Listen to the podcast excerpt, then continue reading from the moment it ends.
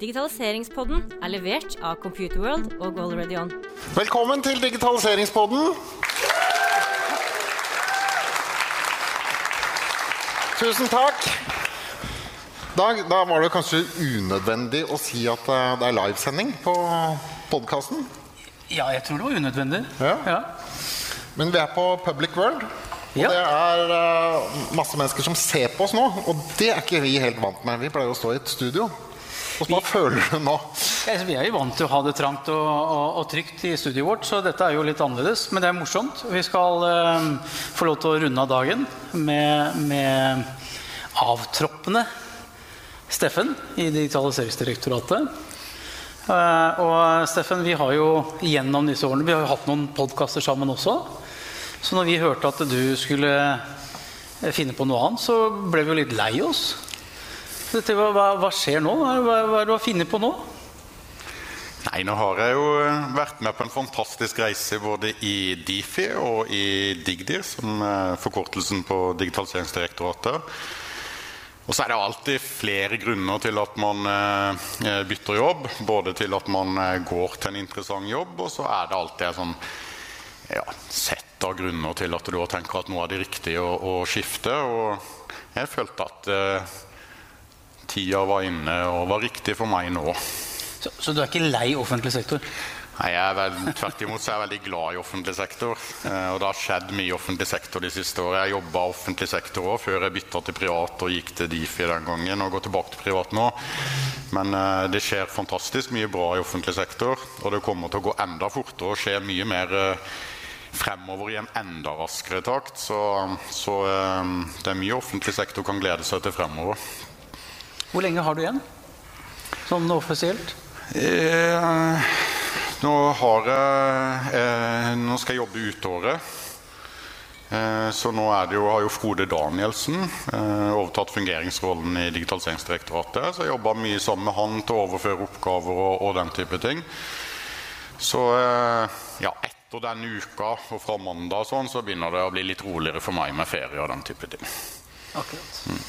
Men det blir bra senke skuldrene. Når var det du hadde ferie? Hadde litt eh, slapt sist?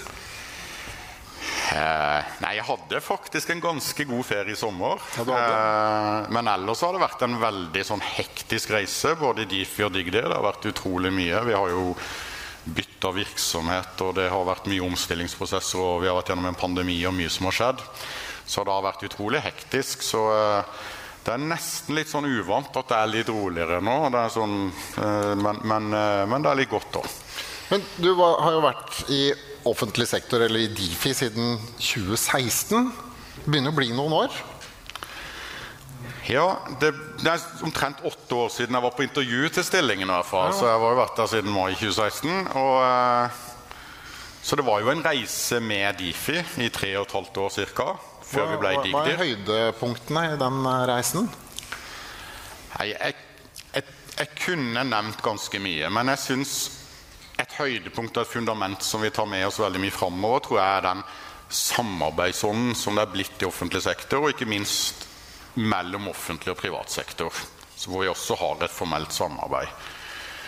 Eh, da jeg begynte, så skal jeg være så ærlig å si at det var ganske sånn krevende og kanskje noen ganger nesten vanskelig og utmattende bare å lede skate, f.eks. Og det hadde litt med det som kan vi få til det samarbeidet som er nødvendig.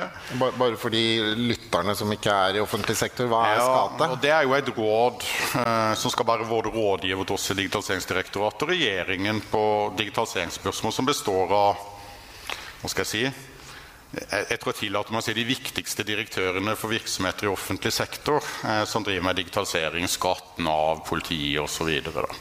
Men nå syns jeg de møtene de siste åra har gitt veldig mye energi. Samarbeidet er blitt veldig bra. Og vi har et formelt samarbeid med privat sektor og mot finansnæringen og Ida Kreutz, hvor vi utvikler løsninger og blitt veldig bra. Vi har en regjerings, regjerings- og KS digitaliseringsstrategi som setter brukerne i sentrum, oss som virksomheter litt bak, og spør hva trenger dere, og ikke hva kan vi digitalisere for egen virksomhet. Alt dette er veldig bra. Og så er det jo det å få lov til å være med på en reise altså Det er jo en helt annen jobb i det. Da jeg kom til Difi, så det opplevde jeg jo litt sånn misfornøydhet i forhold til premissgiverrollen og, og gjør dere jobben deres. Og det er alltid litt sånn krevende å ha en sånn rolle, fordi hvis du ikke tar den, får du kritikk. Og hvis du tar den litt for mye, så får du òg kritikk. Så det kan være litt sånn krevende. Hvor mange ansatte var det i Difi? Nei, vi var 300 cirka når jeg begynte der. Og det, de på en måte negative utsagnene opplever jeg i stor grad er borte. Så Digdi har en mye mer større og legitim rolle enn det Difi hadde. Hvor mange er det i 2016. Digdir, da? Ja, 350. Det er sånn cirka det samme. Ja, ja. Og så eh, har det vært en reise hvor bruken av løsninger har skutt fart. Vi hadde I 2016 så gikk våre fellesløsninger inn i 1000 andre løsninger i offentlig sektor. ID-porten, kontakt- og reservasjonsregister. Vi støtta 1000 andre løsninger i Nav, skatt, politiet. Og Det brukte man ca. 7-8 år på å få til.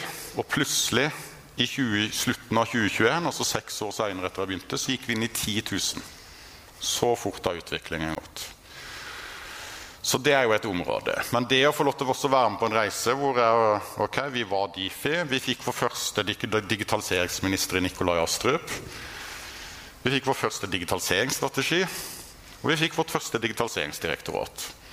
Og det syns jeg har vært stort å være med på når jeg ser liksom på resultatene. Men kanskje det jeg aller husker mest, det er at i de reisene, enten det har vært positive eller negative, så har jeg hatt folk og medarbeidere rundt meg som har stått så sinnssykt på for å få det til. For det er liksom ikke bare å opprette nye ny virksomhet eller få typer rammebetingelser på plass.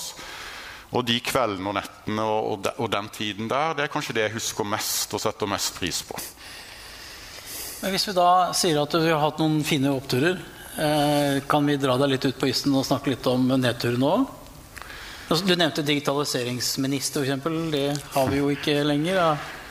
Er det, Ja, distriktsminister blir jo nesten det samme. Ja, jeg hørte du si det. Personlig, eh, når du er leder av et digitaliseringsdirektorat, og det tror jeg mener også når, Hvis jeg ikke hadde vært leder av et digitaliseringsdirektorat, så syns jeg at eh, Norge hadde fortjent å ha en digitaliseringsminister. For det er litt sånn uansett hvordan man vrir og vender på det, så gir det noen symboleffekter, men det gir nok også noen praktiske effekter liksom i prioriteringer. Så jeg tror at øh, øh, øh, Jeg skulle ønske at vi hadde fortsatt med det.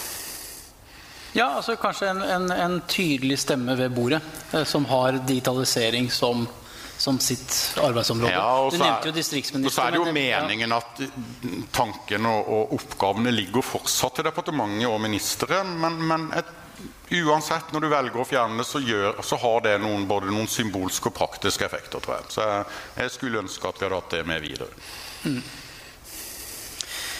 Vi eh, hadde jo en liten prat før eh, vi skulle ha denne sendingen. Eh, og litt sånn i bakspeilet, men vi må jo også se litt fremover eh, hva, som, eh, hva som kommer til å skje.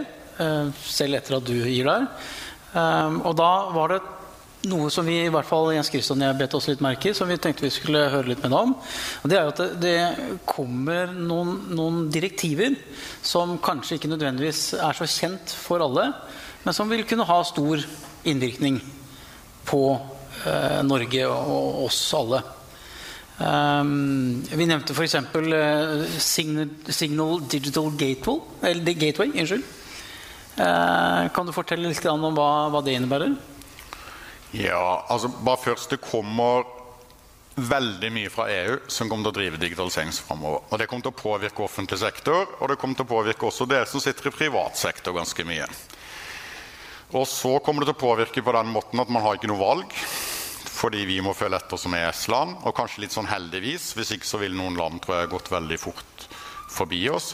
Men vi er allerede i et felles europeisk program i dag eh, som heter Digital hvor europeiske land har spytta inn 100 milliarder nesten.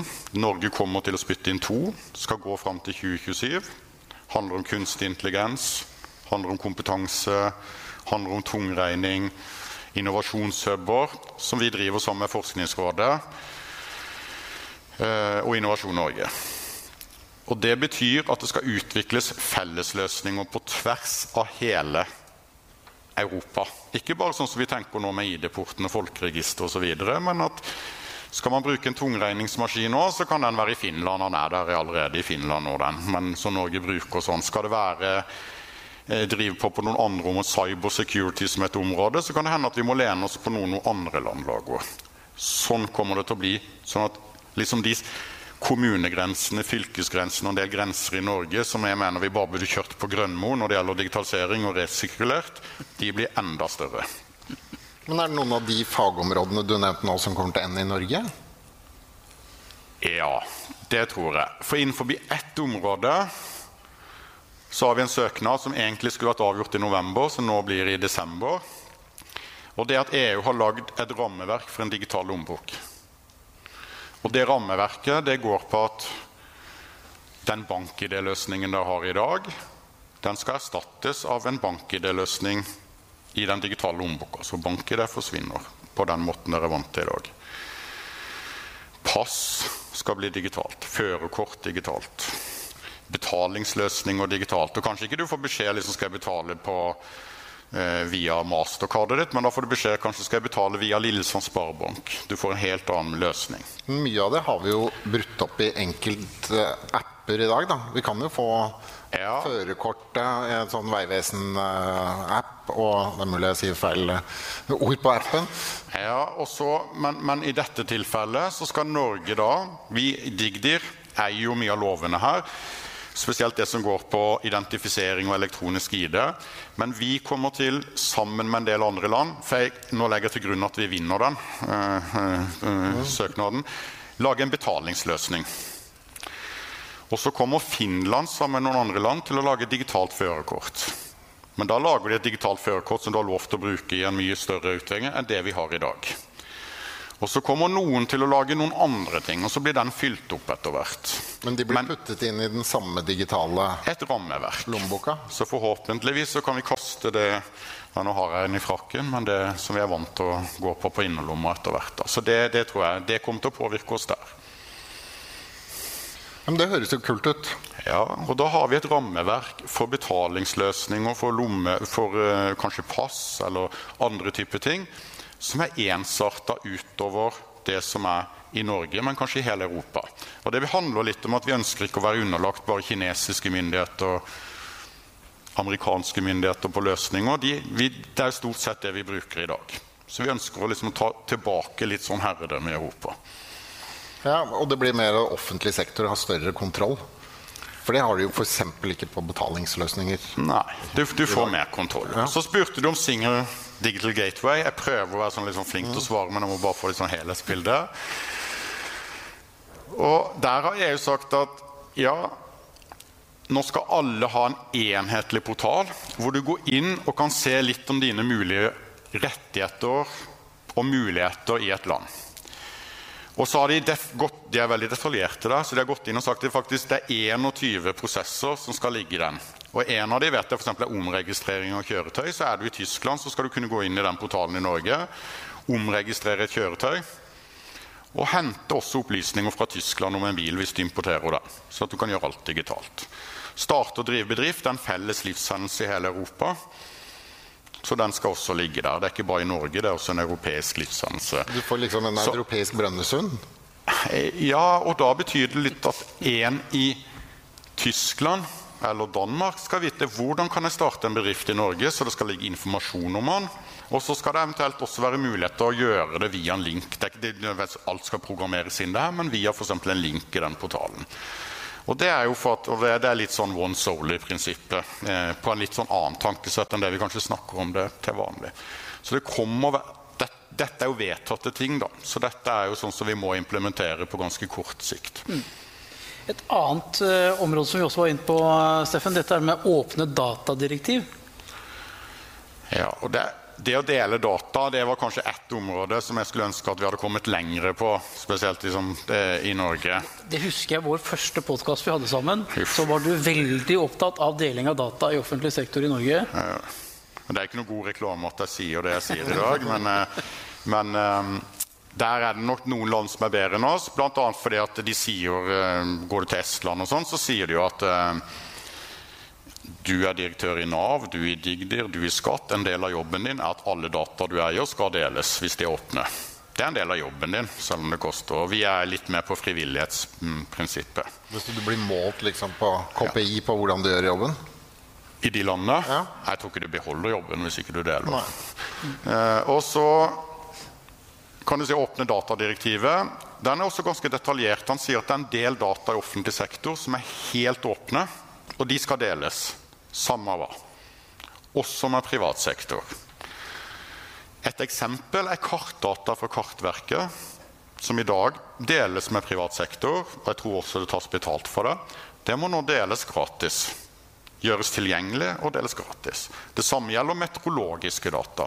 Det er ganske nøye definert, det er høyverdidata, og de må deles. Det er også vedtatt. Så det bør vi gjøre på en god og enhetlig måte, men det kommer til å sette fart på datadelingen, ikke bare i Norge, men også i andre land som ikke er så gode på det, fordi det blir et pålegg. Så her må vi bare henge med i svingene.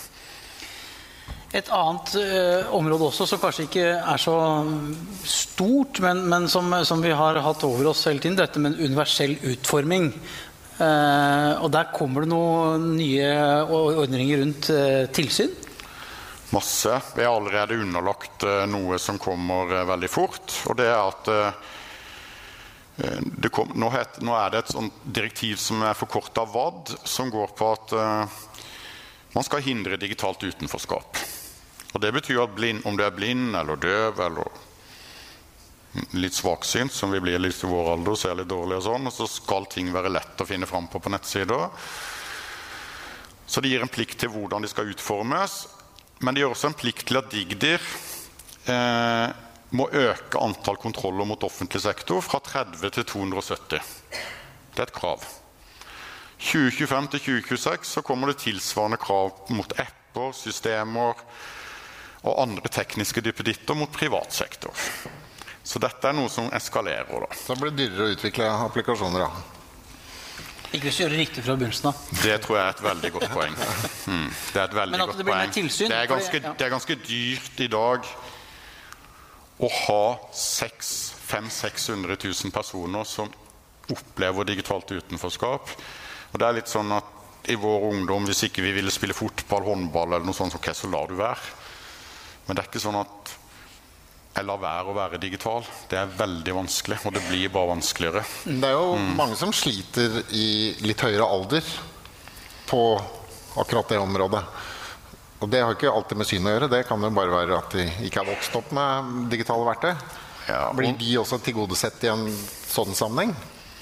Direktivet ivaretar jo ikke de som sådan, men det pågår veldig mange tiltak mot den aldersgruppen via Seniornett og andre for å få disse mer digitale. Og så er det noen som tror det blir verre fordi det blir flere eldre. Jeg tror det blir bedre fordi jeg håper at sånne som oss er ganske gode digitale når vi blir eldre. Eh, Men at det alltid vil være en andel som kanskje vil være litt havne i den kategorien hvor vi kaller digitalt utenforskap, det tror jeg, men vi må gjøre alt vi kan for å minimere den størrelsen. Du, jeg ser at uh, vi, vi snart er på tidskontroll med, med Anders. Uh, til slutt. Eh, vi, offentlig sektor deler ca. 15-20 av eh, sine data i dag. Eh, og med alle disse reg reguleringene som kommer, er Norge rigga for å møte fremtiden? Ja, vi deler egentlig ikke 15-20% av dataene våre. Vi deler 15-20% av de dataene som allerede ikke er farlige å dele. Helt åpne. Så kan du ta med de som har litt beskyttelsesverdi i tillegg. Um, og jeg mener at eh, eh, på, på den ene siden så er det så veldig mye bra i Norge mellom offentlig og privat sektor samarbeidet at det ligger et veldig potensial til å få til ting. Det gjør det. Men det at det kommer så mange ting inn nå, eh, regulatoriske krav, kombinert med andre utfordringer, det gjør også at det må være rammebetingelser til å gjennomføre det. Eh, så la meg si det sånn, jeg håper i hvert fall at man sikrer at det er gode rammebetingelser til å gjennomføre disse tingene, og at ikke andre land eh, suser for mye bias nå på internasjonale kåringer. Når du sier rammebetingelser, så mener du mer penger, budsjetter og digitaliseringsminister. Selvfølgelig så har finansiering noe å si, men rammebetingelser gir også noe med hvordan vi jobber sammen. Eh, jeg tror også kanskje at det krever litt mer helhetlig styring. At vi må bite oss litt og akseptere at vi gjør noen ting på en litt, en, litt mer enhetlig måte. Det handler om flere ting, da. Eh, og så tror jeg at vi Men mulighetene er, tror jeg aldri har vært bedre. Men samtidig så snakk, Det var ikke lenge siden jeg snakka med en estisk IT-minister og andre, og de er kjempeoffensive for tiden. Så vi skal passe oss for at ikke det er noen som plutselig skyter eh, altfor langt forbi oss. Mm. Jeg tror det får være siste punkt. Siste ord sagt. Eh, jeg syns vi skal benytte anledningen til å takke Steffen for eh, oppgaven og jobben du har gjort. Og lykke til videre i nye oppgaver og eventyr.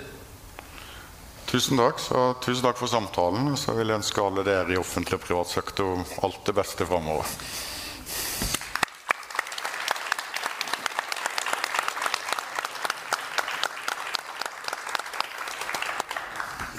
Det ble jo en fin outro. Eh, takk til Steffen, takk til Dag og Jens Christian. Takk til alle dere som har kommet. Jeg håper det har vært lærerikt og, og nyttig. Eh, ta gjerne med et kakestykke eller noe frukt på veien ut. Vi, vi ønsker å være grønne og miljøvennlige og kaste mest mulig mat.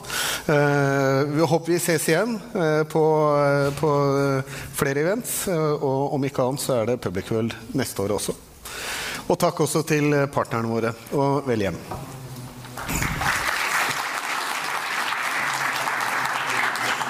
Takk for at du hørte på Digitaliseringspodden, levert av Computerworld og AlreadyOn.